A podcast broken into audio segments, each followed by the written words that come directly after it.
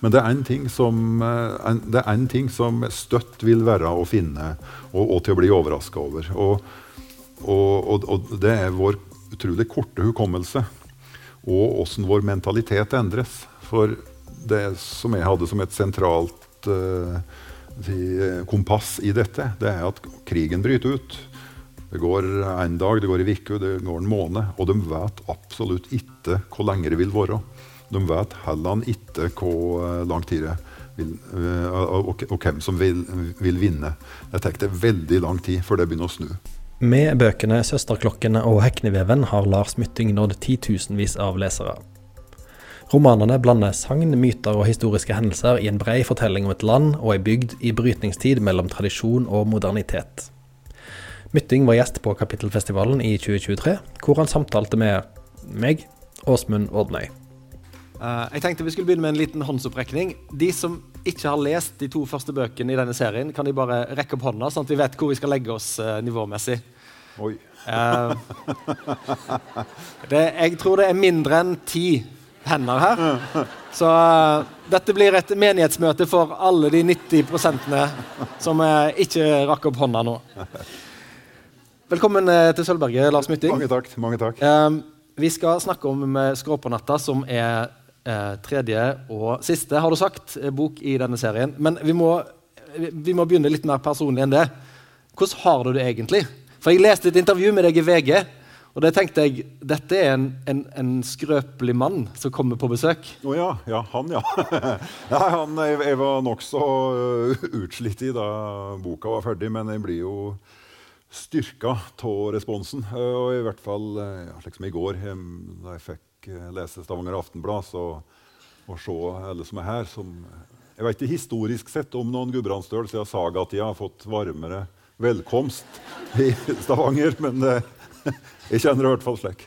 Nei, ja, det, er en, det, er en, det, det, er rart, for det er jo en, det er tre år da jeg har sittet og hatt kontroll på hver minste komma og bisetning i, i boka. Og så er det ute, og så sprer boka seg ut, og alle kan lese, mene og ha, ha, ha med seg. Og det å gå fra å ha hel kontroll til å ikke ha noe kontroll, det, det er en rar, rar, overgang. Men eh, nå har jeg hatt det slik i noen dager, så jeg begynner å komme ovenpå. Mm.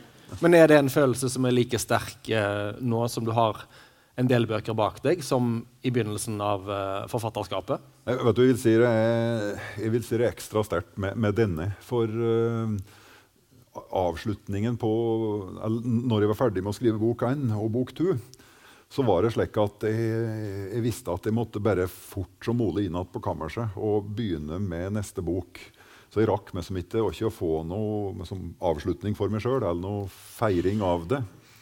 Uh, og nå som hele trilogien er, omme, så, så, er det en mye, mye større følelse av et tilbakelagt kapittel i livet. Da. Jeg begynte jo på det da jeg var eh, da jeg var Ja, nå husker jeg ikke Si noen og 40, og så er jeg ferdig eh, Nå er jeg noen og 50 og grå i håret. og Og, og, det har vært korona imellom. Så, så det, er en, det, det, er rar tid for, for, for meg òg. Mm. Mm. Ja, for du, du sa til, til, VG at du kjente på en, en kolossal sorg ja. rett og slett, når du hadde satt punktum. Mm. Kan du si litt om hvordan det, det arter seg? Ja, Det, det, det er tudelt. for Sorgen er en drivkraft kolossalt sterk gjennom skrivinga. Og, og, sorgen er en, sin latent, en potensiell sorg over at folks minne og historie skal glippe og bli helt borte. Uh, og, og det, det, er nok uh, den følelsen jeg har hatt uh, f.eks. når jeg har bledd i gamle familiealbum, når jeg har sett gamle steinrøser oppå jordet. Små minnesmerker over et utrolig slit og en kolossal innsats over så mye år. Og så er alle de folkene, 100 år er bare borte. Og den, eh, den, den, skrekken som er i det, at et langt liv med alle dets forhåpninger smuldrer og ikke blir huska av noen, det er sorgen som, som, er den kreative, bunnløse sorgen som, som, driver det. Men så er det min egen eh, Men, men den over avslutninga over det og Jeg husker da jeg skri, skrev, eller jeg skulle lese lydboka og leste det siste partiet om Kristine Messelt. Eh, som jo er med oss fra bok to og helt ut her. Så jeg fikk en veldig klump i hersen. Da måtte vi ta det om igjen flere ganger. For da, jeg kom nettopp til henne. For da var det ugjenkallelig at dette er det siste jeg forteller om Kristine Messelt. En, eh, men samtidig, ja, da forteller jeg på, på, en måte som er registrert, så hun, hun lever videre i det. Så det er en, det er en god sorg i det. Ja. Men er det, dette med at liv blir glemt, er det noe som vi eh, eh, kanskje ikke er like aktuelt lenger? For nå er vi jo så flinke å dokumentere alt. Ja. Vi dokumenterer eh, hele livet vårt på data, på sosiale medier osv. Ja, vi gjør det. Men, eh, men er, det, er, det, det sanne livet? Er det det, er det, det reelle, innerste livet? Det, det, spør vi om. Og i hvilken grad kan det bli spola gjennom og, og sett opp igjen? Jeg, jeg, er usikker. Jeg, jeg, tror faktisk det, det, er mer å finne i et gammelt svart-hvitt familiealbum eh, som er kuratert, og ti, der de har ti bilder av de tilsynelatende vikt, viktige hendelsene, eh, enn en, eh, en den digitale strømmen som vi har i dag. For vi vet ikke i hvilken grad den blir synende for ettertida. Det er faktisk et paradoks som vi bør nesten huske på. Mm. Hvordan vi gjør det tilgjengelig for dem som kommer etter. Mm. Du, du, du, du, skriver en plass i, i Skråpånatta her at uh, presten Kai Sveigård, som, som, går igjen i alle tre bøkene, han, han sier noe som jeg tenkte at eh, kanskje det var forfatteren som snakka med seg sjøl. Mm. For da sier han eh, eh, kanskje det er Hekneveven som har skapt Kai Sveigård. Mm. Altså har denne serien skapt Lars Mytting? På en måte Har han prega deg så sterkt? Ja, den har, den har jo omforma meg, og særlig i overgangen fra første boka etter uh, Astrids død i første boka og over til den andre, da, da, er det jo riktig å si at både jeg og Kai Sveigård forandrer oss. Eh, for den første riggen av tenkninga som jeg hadde om trilogien som sådan, var, var atskillig mer lettbeint enn det ble i dag. Uh, og, og, det store skiftet kom da, da Astrid fødet to sønner, men satte inn livet, livet sjøl. Og det var da jeg innså at det måtte være slik, så ble det en uh, ganske brutal kamp med meg sjøl. Det er ikke, ikke, tull å si at jeg våkna flere ganger om natta og um, ringte redaktøren min klokka åtte og spurte om dette her virkelig er den rette måten. Er det dette som skal skje? For det, uh, en ting er jo altså, brutaliteten i det, men så er det det kolossale tomrommet som kommer i de neste bøkene, når hovedpersonene blir revet ut, og alle står att alene om å skape sitt liv. Men så tenkte jeg ja, det er jo akkurat slik det er. Vi mister de viktige, vi mister dem som er våre støtter gjennom livet. Og så er vi kasta ut i ikke noe og står der alene. Og både som forfatter og som, og som uh, oppdragsgiver til uh, dem som er med i begynnelsen av min tur, så syns jeg det ble en, helt, en, situasjon som var mye sannere mot livet og tapet sjøl. Men det det om Hekneveven har skapt Kai Sveigård, det er jo, det er jo faktisk en enda dypere gåte enn som så. Men den, den, krever nok at man dykker langt ned i boka før man kommer dit. ja. eh, skal lese, du skal lese litt fra begynnelsen av uh, natta. Det er jo ikke så mange her som har lest den ennå, så du kan gi oss eh, sammenhengen her som du leser ut fra.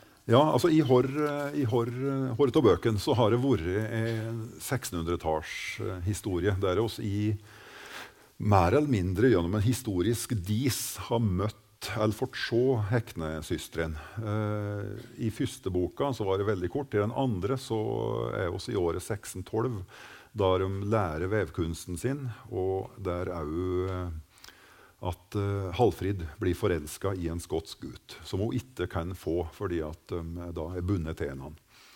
Og det er, da, det er da, etter manges mening i bygda, at det merkelige klarsynet som jentene har, oppstår. Og det er idet de av kjærlighet prøver å skjære seg fri fra hverandre. Med en, eh, med en, kniv som er jordfunnet, altså et knivsagg som er funnet igjen i jorda. Uh, og, og, den setter seg da Feberen setter seg jo i dem, og det tar lang tid før det blir hela. Men fra da av så innser de at de er uatskillelige.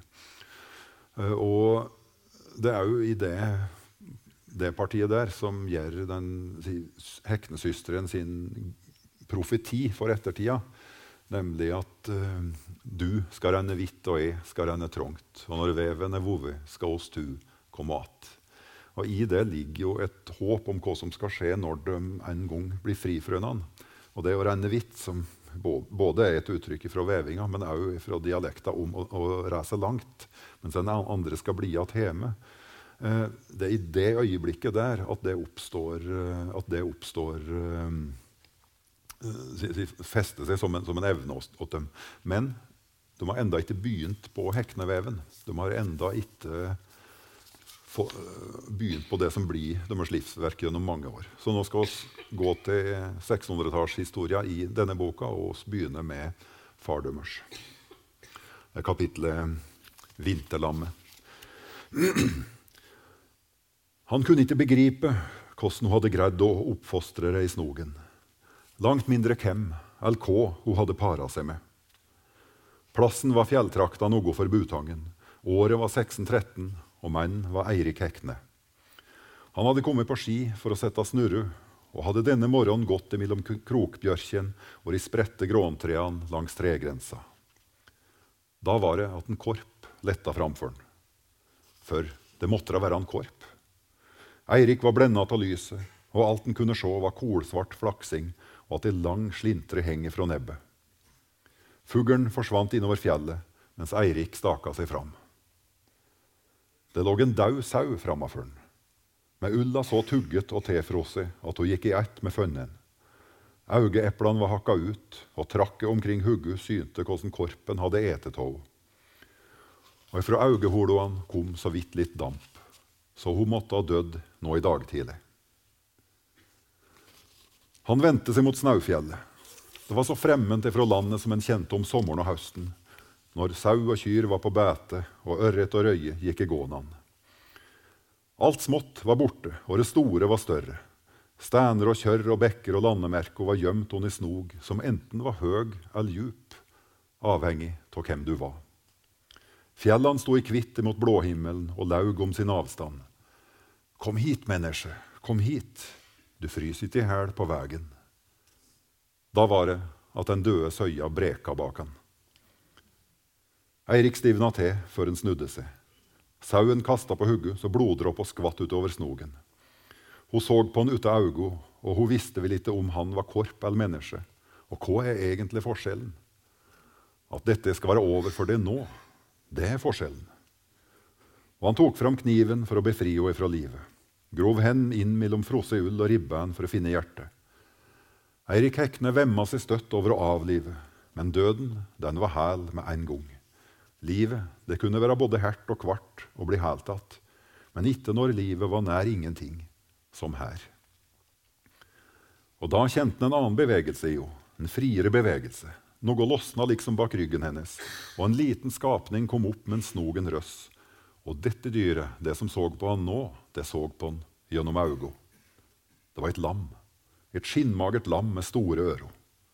Og Der og da mente han at glansen i ulla var et synsbedrag, men senere så skulle han og døtrene hans fastslå at dekkhårene faktisk var så glitrende som de så ut til. Lang som hersragget til gjet, blank som sølv, Underulla mjuk som herrapels. Det sparka og virka friskt. Og han tok dette lammet med seg nedover. Og han tok med søya og førte det ned til vintersetra. Men søya døde den natta. Hun har kanskje tenkt slik som dødssyke mødre gjør når de skjønner at andre kommer til å passe ungen. Du er trygg, du skal leve jeg skal dø.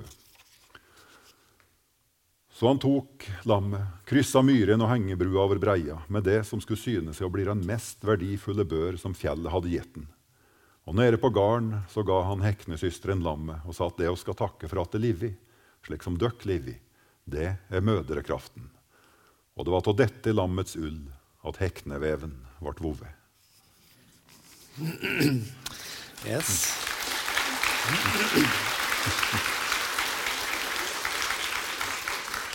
Det er fra tidlig i, i Skråpånatta. Eh, det jeg har lurt på når jeg har lest disse to første bøkene på nytt, og når den siste er hvor mye har du klart? Hvor mye hadde du eh, på en måte snekra opp av reisverk i, for denne serien når du begynte på første bok? Nei, det var eh, det, det, er flere, det, er flere, planer som De fleste planer kollapsa underveis. Så var det noen gode planer som, eh, som holdt seg, og det gjaldt uh, det som kommer i avrundingen av boka, når vi nærmer oss utgangen av krigstida. Uh, og det, det, var en plan som helt hele veien. Men det som forandra seg veldig mye, var, var egentlig dybda i hva kunne ta ut to, særlig av 1600-tallshistoria. Og der kom det nye overraskelser stadig vekk. Mm. Um, og det var lov å si at det var en del uh, ja, det, var, det er et par ting som jeg gjerne skulle hatt med i, i, i første bok òg, men som, som jeg oppdaga senere at jeg kunne gjøre noe ut av. Uh, gamle Klara i kirka hun burde f.eks. hatt sin favorittsalme 'Her kommer dine arme små'. Det kunne hun gjerne ha sunget litt tidligere i boka. men, eh, men, eh, men eh, veldig, veldig, mye av teksturen og de små detaljene har faktisk kommet godt med og, og vokser fram ut fra de førre bøkene. Men det at det skulle være tre generasjoner, at Hekneveven skulle ha den, det påtrykket hadde, som en uh, profeti, mm. som òg litterært virker som en veldig sterkt frampek hele, hele veien. Uh, og, og, at uh, kirkeklukkene skulle være besettelsen og, og si det materielle godset som, skulle, som, som, det kunne stå en kamp om, det, det, det er helt heldigvis mm. he, hele veien. Mm. Det, var, det, er veldig om å gjøre, syns jeg, da jeg begynte med det. at jeg, ja, jeg, jeg, kan kanskje skrive om tre generasjoner, men har de noe felles, og noe som er synlig, noe som kan flyttes og tas i, som samtidig er større enn oss? Og da kom, eh, og da, da kom ganske tidlig de gamle klukkesangene ifra, ifra Ringbu inn som, uh, som, en slags grunnlov i, i det. Ja, ja for, for disse, disse, klokkene de, de, flytter jo en del på seg opp ja. gjennom trilogien. Ja, de er stadig Det er rart de ikke sprekker, faktisk. Men de, uh, nei, de har jo først I bok én blir jo begge flyttet ut. altså Dette den ene i vannet, ei blir funnet igjen, og den andre blir flyttet til Dresden og henger alene. Og så blir hun heva i, eh, i, eh, rett etter første verdenskrig. Og befinner seg, Når denne boka åpner, så befinner den klukka seg fortsatt i mm. støvpulen på Butangen. Ja. Eh, og så har du sagt i et intervju for et par år siden eh, det du var inne på, 'Aldri fri' med trilogi. Ja, ja. Så, hvordan får en den tanken på at jeg skal skrive en trilogi? For det høres litt ut som jeg skal bygge en høy blokk. Altså, de fleste av dere må skrive kanskje en roman er et løft, men å skrive tre store bøker fra et sånt univers er Når kom en sånn kongstanke? Det var, eh, det var faktisk på en, på en jakttur. Da jeg, da, jeg, da jeg, var ute med en god, god venn av meg. og han eh, hadde vært elendig jakt. Eh, og grått vær og regnvær. Og så klarer han attpåtil å minne meg på at du er snart 50, Lars. så hvis du skal gjøre noe, så må du gjøre det nå mens du orker. Og så øh, Og øh, Nei, det, det, skjer nok jeg, jeg, trodde nok at jeg skulle klare å skrive mer rettlinjer med færre utkast enn jeg kunne. og, og det, nok, det, var nok en mer halsløs gjerning enn jeg, enn jeg, enn jeg visste da. Mm. Men det var det, nei, det satt nokså tydelig i meg at hvis jeg, har, eh, hvis jeg skal ta i, ta i uh, dette legendestoffet og gjøre det om til noe som går over så lang tid, og skriver det fullt ut, mm. så, så, er det bare det formatet som, uh, som, mm. som ta, takler det. Og jeg syns det har vært en veldig, veldig fin tid innimellom, som, som en bare har ved en trilogi. Det var ikke tenkt ikke så mye på, men første bok, i ventetida mellom den første og andre så danner det seg jo mye oppfatninger og forhåpninger og forventninger blant folk. Hva, hva er det som skjer? Hva har skjedd på Butangen siden sist? Ja. Så det er omtrent som leseren som kan komme på toget attende til en annen tid og se hva som har foregått. Ja. Og, og, jeg har faktisk hatt glede til å, å spørre en del lesere på, på hva tror du vil skje? og, og, og, og, lekt meg litt, eh, litt, med det. Og et par, et par, ideer har jo kommet rett og slett som en Det her høres ut som sånn, sånn, eh, sånn, sånn næringslivet holder på med, med sånne fokusgrupper. At de liksom ber om, ja. ber om, input, og så blir det til et produkt. Ja, den, eh, det, det, det, det, er mindre enn som så, egentlig. Men, de, men den nysgjerrigheten på hva det vil føre med seg det, det, er med å gi en spenning med å åpne opp forskjellige muligheter til det. Ja, ja. Ja, er, er, det mye av det som har blitt til ferdige altså, resultatet? Jeg kan jo nevne f.eks. at eh, jeg hadde trodd at Klara, Klara med mitt, mitt, etternavn, som fryser her i Stavkirka i 1880, at, at, det var slutten på Klara Mytting. Uh, men en av dem som hjalp meg mye gjennom, gjennom boka, var, var, var, han som den gang var prest i, i Elverum. Og han, han, var, han var litt, litt, mer fascinert av trusbildet hennes og hvor åpen hun var for si, de gamle skikkene og den gamle naturreligionen. Så alt han sa, var at jeg hadde håpa at han skulle få vite mer om henne. Og så kom jeg på ja, men vent nå litt. Hvis, hvis, oss, hvis det er slik at kirkeklokka kan ringe av seg sjøl, så er det sannelig fullt gangbart at Klara er med på flyttelasset til Dresden og gjenoppstår som et uh, spøkelse der, der, ute. Og uh, kanskje til og med bytte om numrene på salmetavla. Ja. Og ut av dette han sier at den, en idé fostrer en annen, så, så får det òg et utløp uh, som kommer igjen i denne boka. Mm. Mm. Og denne siste boka har jo fått tittelen 'Skråpånatta'. Eh, og da kom jeg til å tenke på den gangen jeg var på Brimisetra.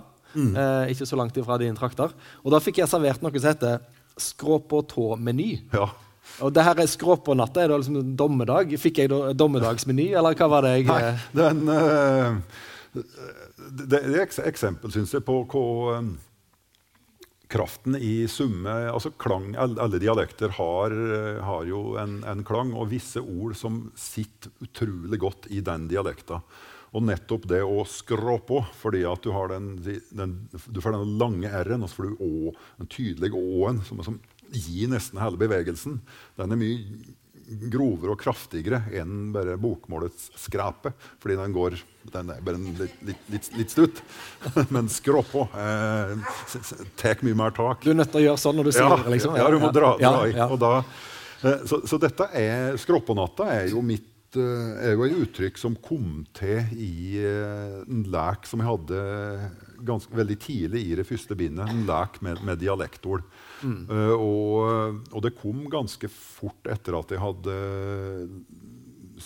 Mens jeg drev og lekte med profetien om, i Hekneveven om at det skulle være en slags, en slags dommedag. Og da, da, hadde jeg i tankene at uh, jo, men det er jo ei kirke på Butangen, og den står sikkert på fjell, så vidt skal flytte seg. Men i tillegg så er det jo graver onde, som ligger under kirkegulvet, og det er graver på kirkegården. Og det heter seg jo i, altså I kristendommen så skal jo alle opp og, til doms.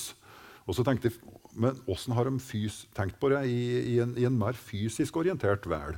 Da har de sikkert tenkt at de faktisk skal opp. Og da er det at du må skråppe jorda ned til hvert fjell og så ta opp de døde. Og skue dem fram til soloppgang. Og så, så kom, eh, kom, det med natta mm. ganske gratis innåt det. Så det er en del av et vokabular da, som, er, som, faktisk kom ve veldig tidlig, og som helt seg utover i alle skrivinga. Mm.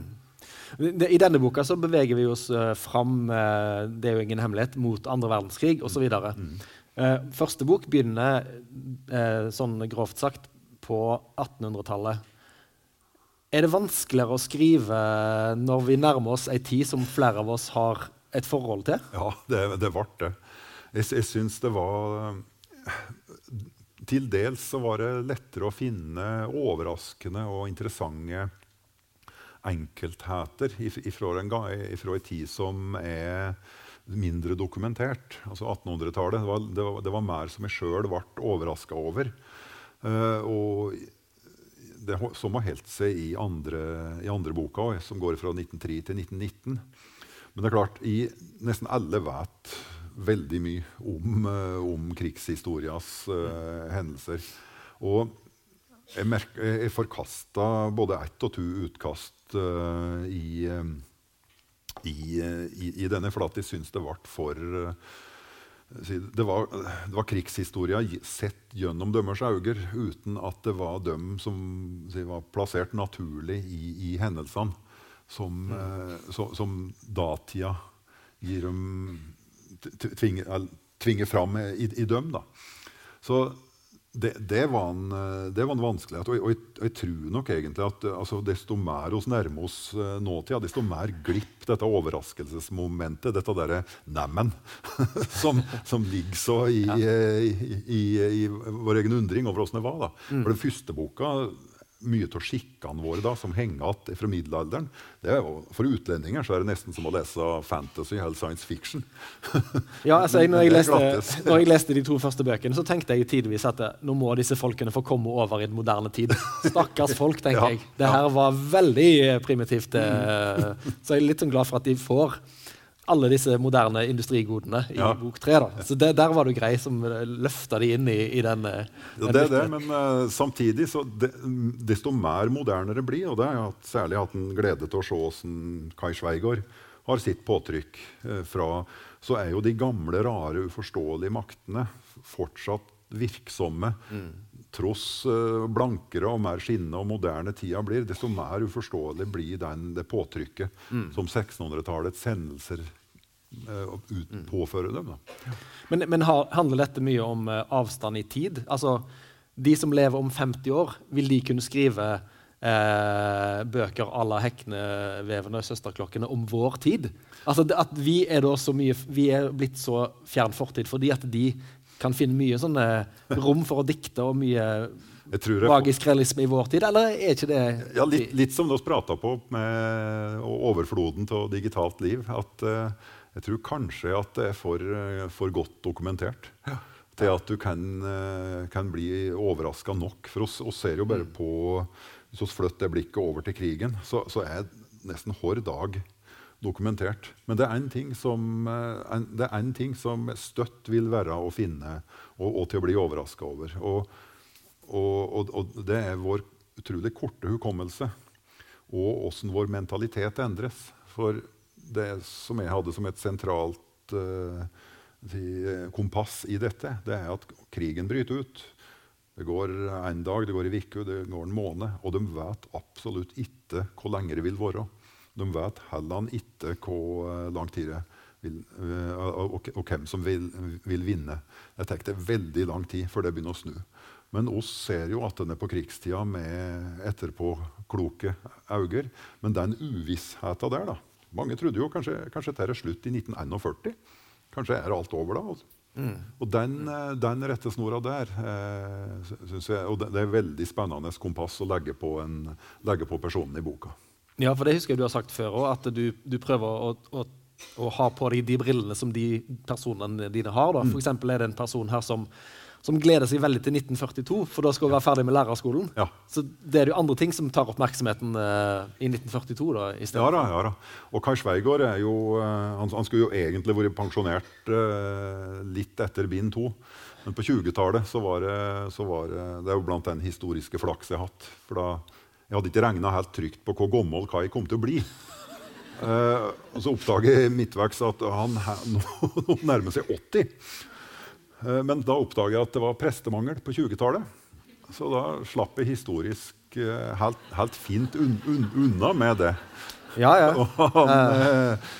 og, og, jeg hadde òg veldig flaks med noe annet. det vil dere se, at jeg, jeg, jeg, fikk en idé til å gjelde igjen Kai Sveigård. Og så spurte meg var det slik at jeg i først rev dem kirkemuren i bind 1, eller lot dem den stå?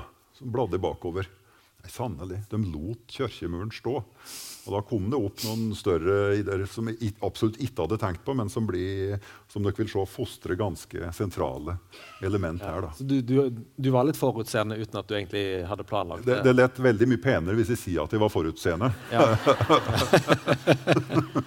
men jeg, eh, vi hadde Tore Renberg her for noen år siden. Da snakket han om disse bøkene i den Texas-serien som heter Gangsteruniverset i Stavanger. Ja. Og han fortalte ganske interessant om hvordan han hadde svære regneark, Excel-ark, med alle personene når de er født, de, hvem de er søsken til, hvor var de sist, hvor, hvilken hage er de gravd ned, alle sånne ting. Ja.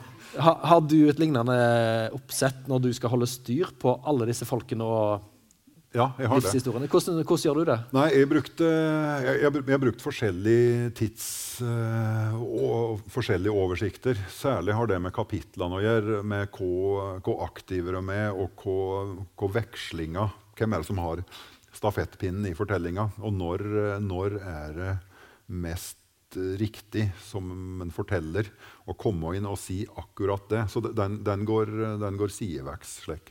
I tillegg så har jeg en oversikt over, um, over alle personene. Og da er det om å gjøre å holde styr på fødsels, fødselsår. Jeg, jeg oppdaga jo at jeg hadde jo rota med de to kvinnfolkene på Ysteriet. Fløterenka og Ada Borgen. For uh, Ada, Ada, Borgen var, er mye yngre enn Fløterenka. Men hun framstår som uh, litt, litt, skrøpelig, så da måtte, jeg, da måtte, jeg, finne på at hun hadde augekatarr. Så hun har rennende øyne. hun ser litt dårlig. og det gjør at Hun, hun tar ofte feil arbeidsforkle når hun kommer på, på, arbeid. Og det liker ikke fløterenka, som da hun blir bister på dem. Men det måtte, måtte til. Det, det, det ble uh, så slett. Slik kan du si at personen dette vokser fram egentlig av denne ørliten bommert tidlig i skrivinga. Men så, men så får jeg da en, en, en, godt sett med ideer for åssen de da er, ut, ut, fra det. Ja. Men Gjør du alt dette sjøl, eller har du, en, eh, har du, folk som eh, på en måte er faktasjekkere i ditt univers? Nei, som ser at alt eh, henger sammen? Jeg, jeg, har, jeg, har, et veldig godt forlag som hjelper meg med historia som, som sådan. Men å strukturere, holde styr på det og få, uh, få ideene fram, det, det, det, det gjør jeg sjøl.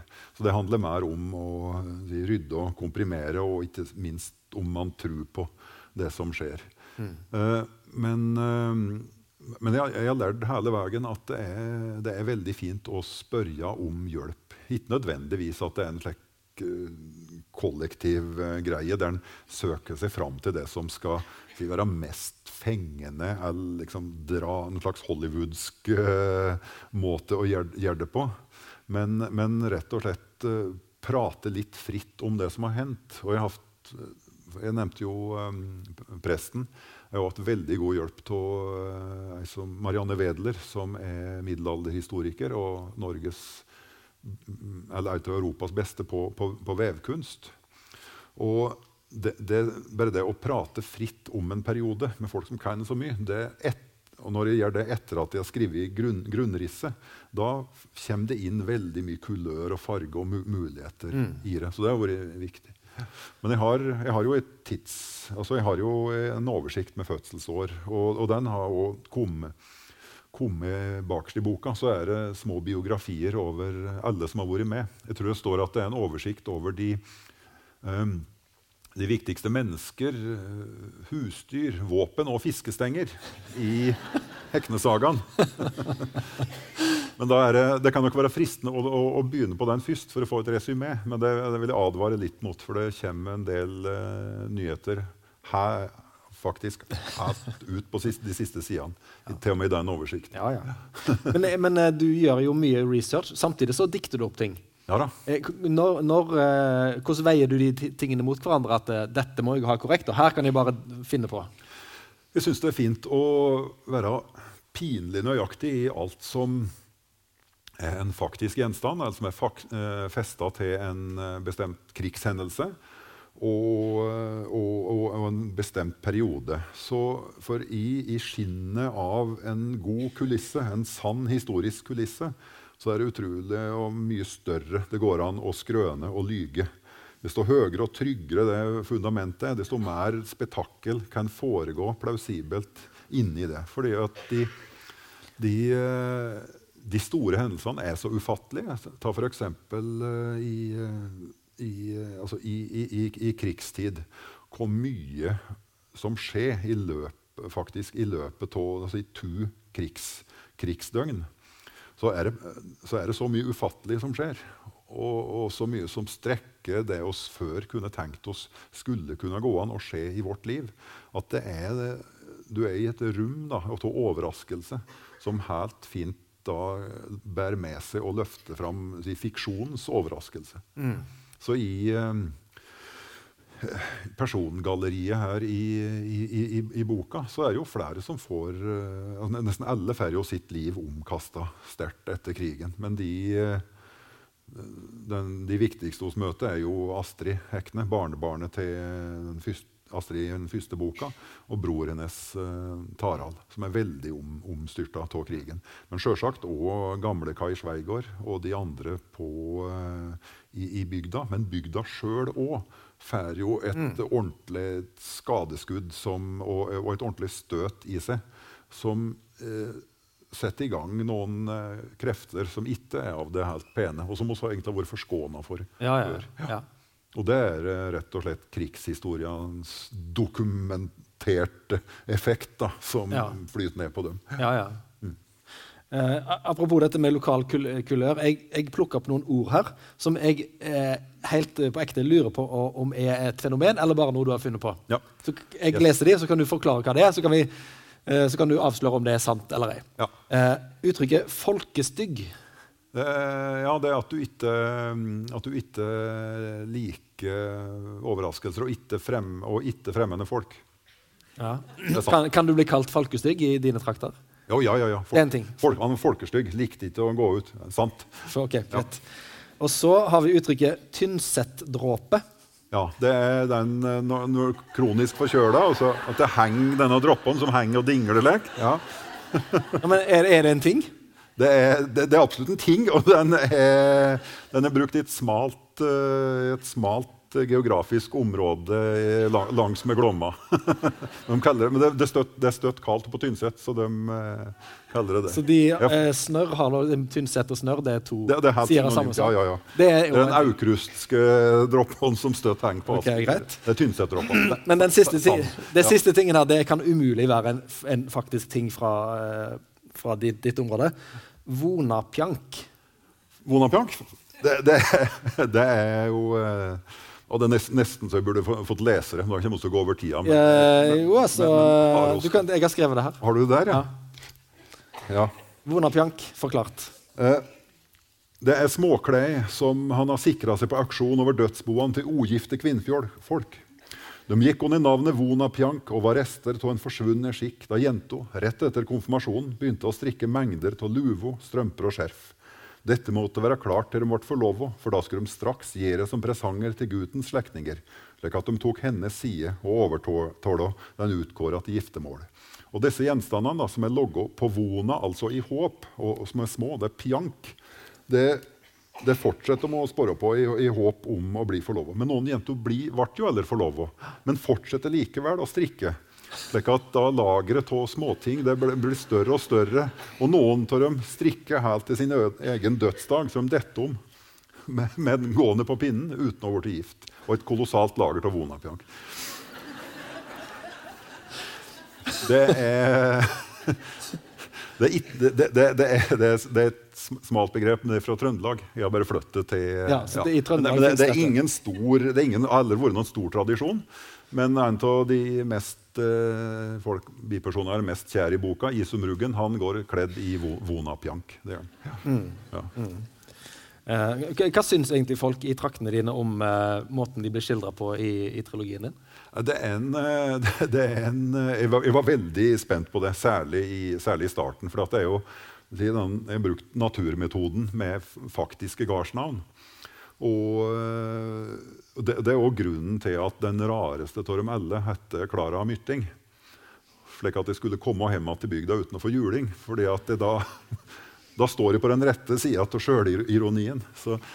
Men jeg tror, eh, og Det er jo uttrykk der som er ganske nedsettende mot gudbrandsdøler. Men de har, det inngår en del, det inngår i en eh, humortradisjon som oss har der oppe.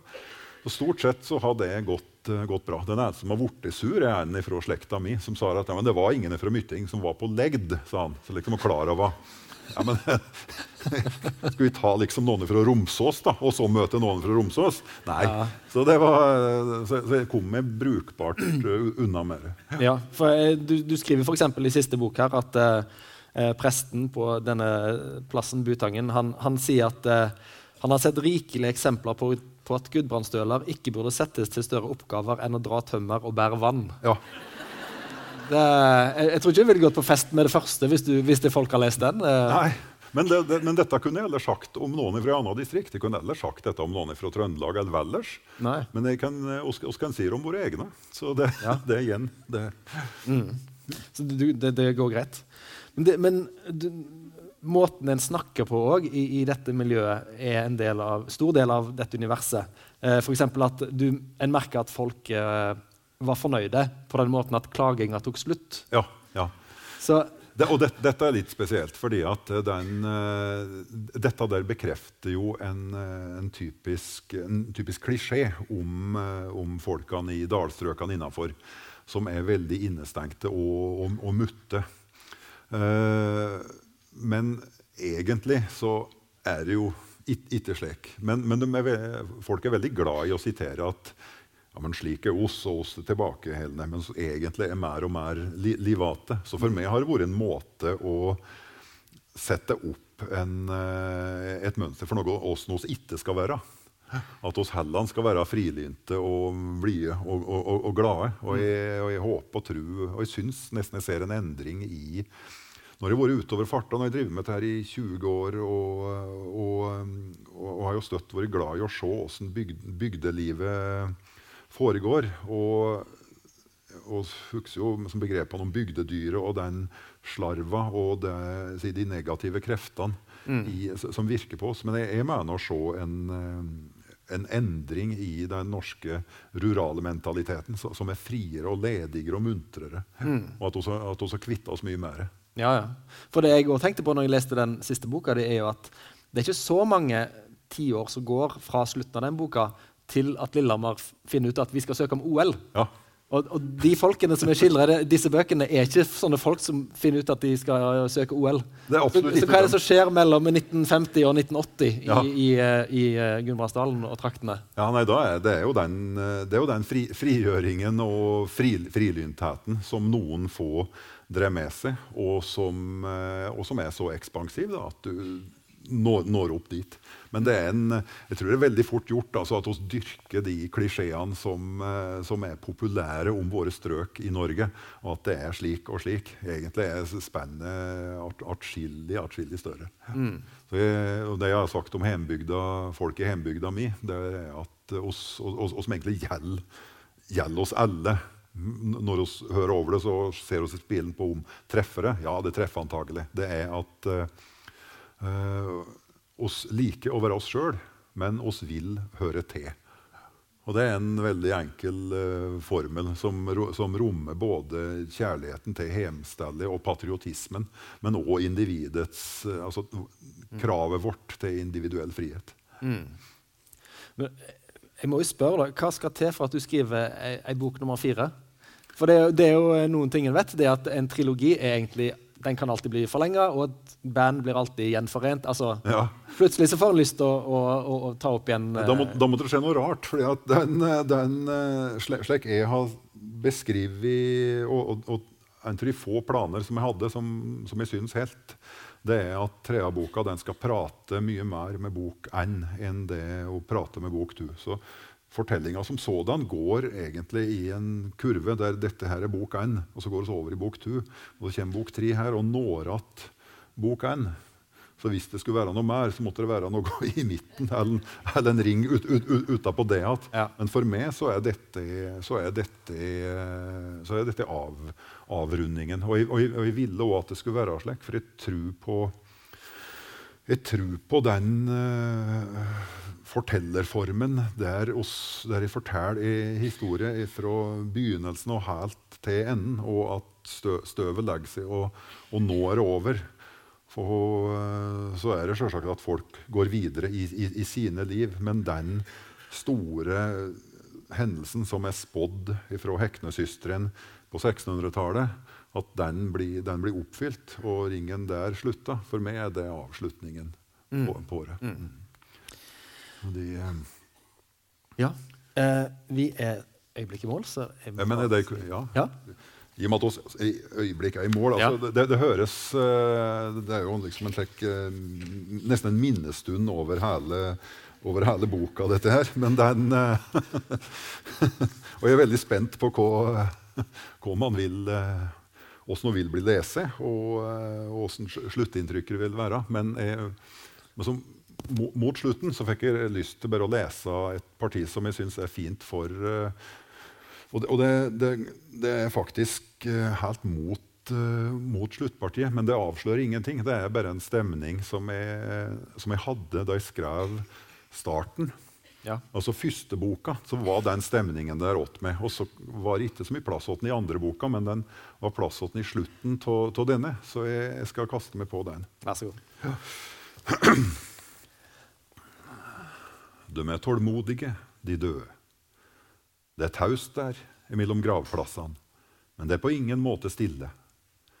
De døde blir òg de beste til å lytte, og det er mulig å se for seg at de gleder seg hver gang noen kommer, og at de, gjennom vigsla jord, merker fottrinn fra verda der oppe som lyset er. Og som oftest så må de innse at trinnene fjerner seg igjen. For en kirkegård er jo så stor, og de fleste de skal til ei anna grav. Og det er slik at de som besøker de døde, òg dør. Og det blir færre og færre som stopper og sier noen ord. Men håpet svever om at grinda skal åpnes og fredfullheten skifte, men ikke brytes. Og en kvelding i midten av mai så hørtes bilhjul imot grusen utafor kirkegården på Butangen. Bilen stoppa ikke på den vanlige parkeringsplassen, men framfor tjoringsbommen og testene, som ingen hadde hatt hjerte til å fjerne. Det var en natteblå Jaguar, og ut av den gikk Takk. Takk skal du ha. Takk. Takk skal du ha.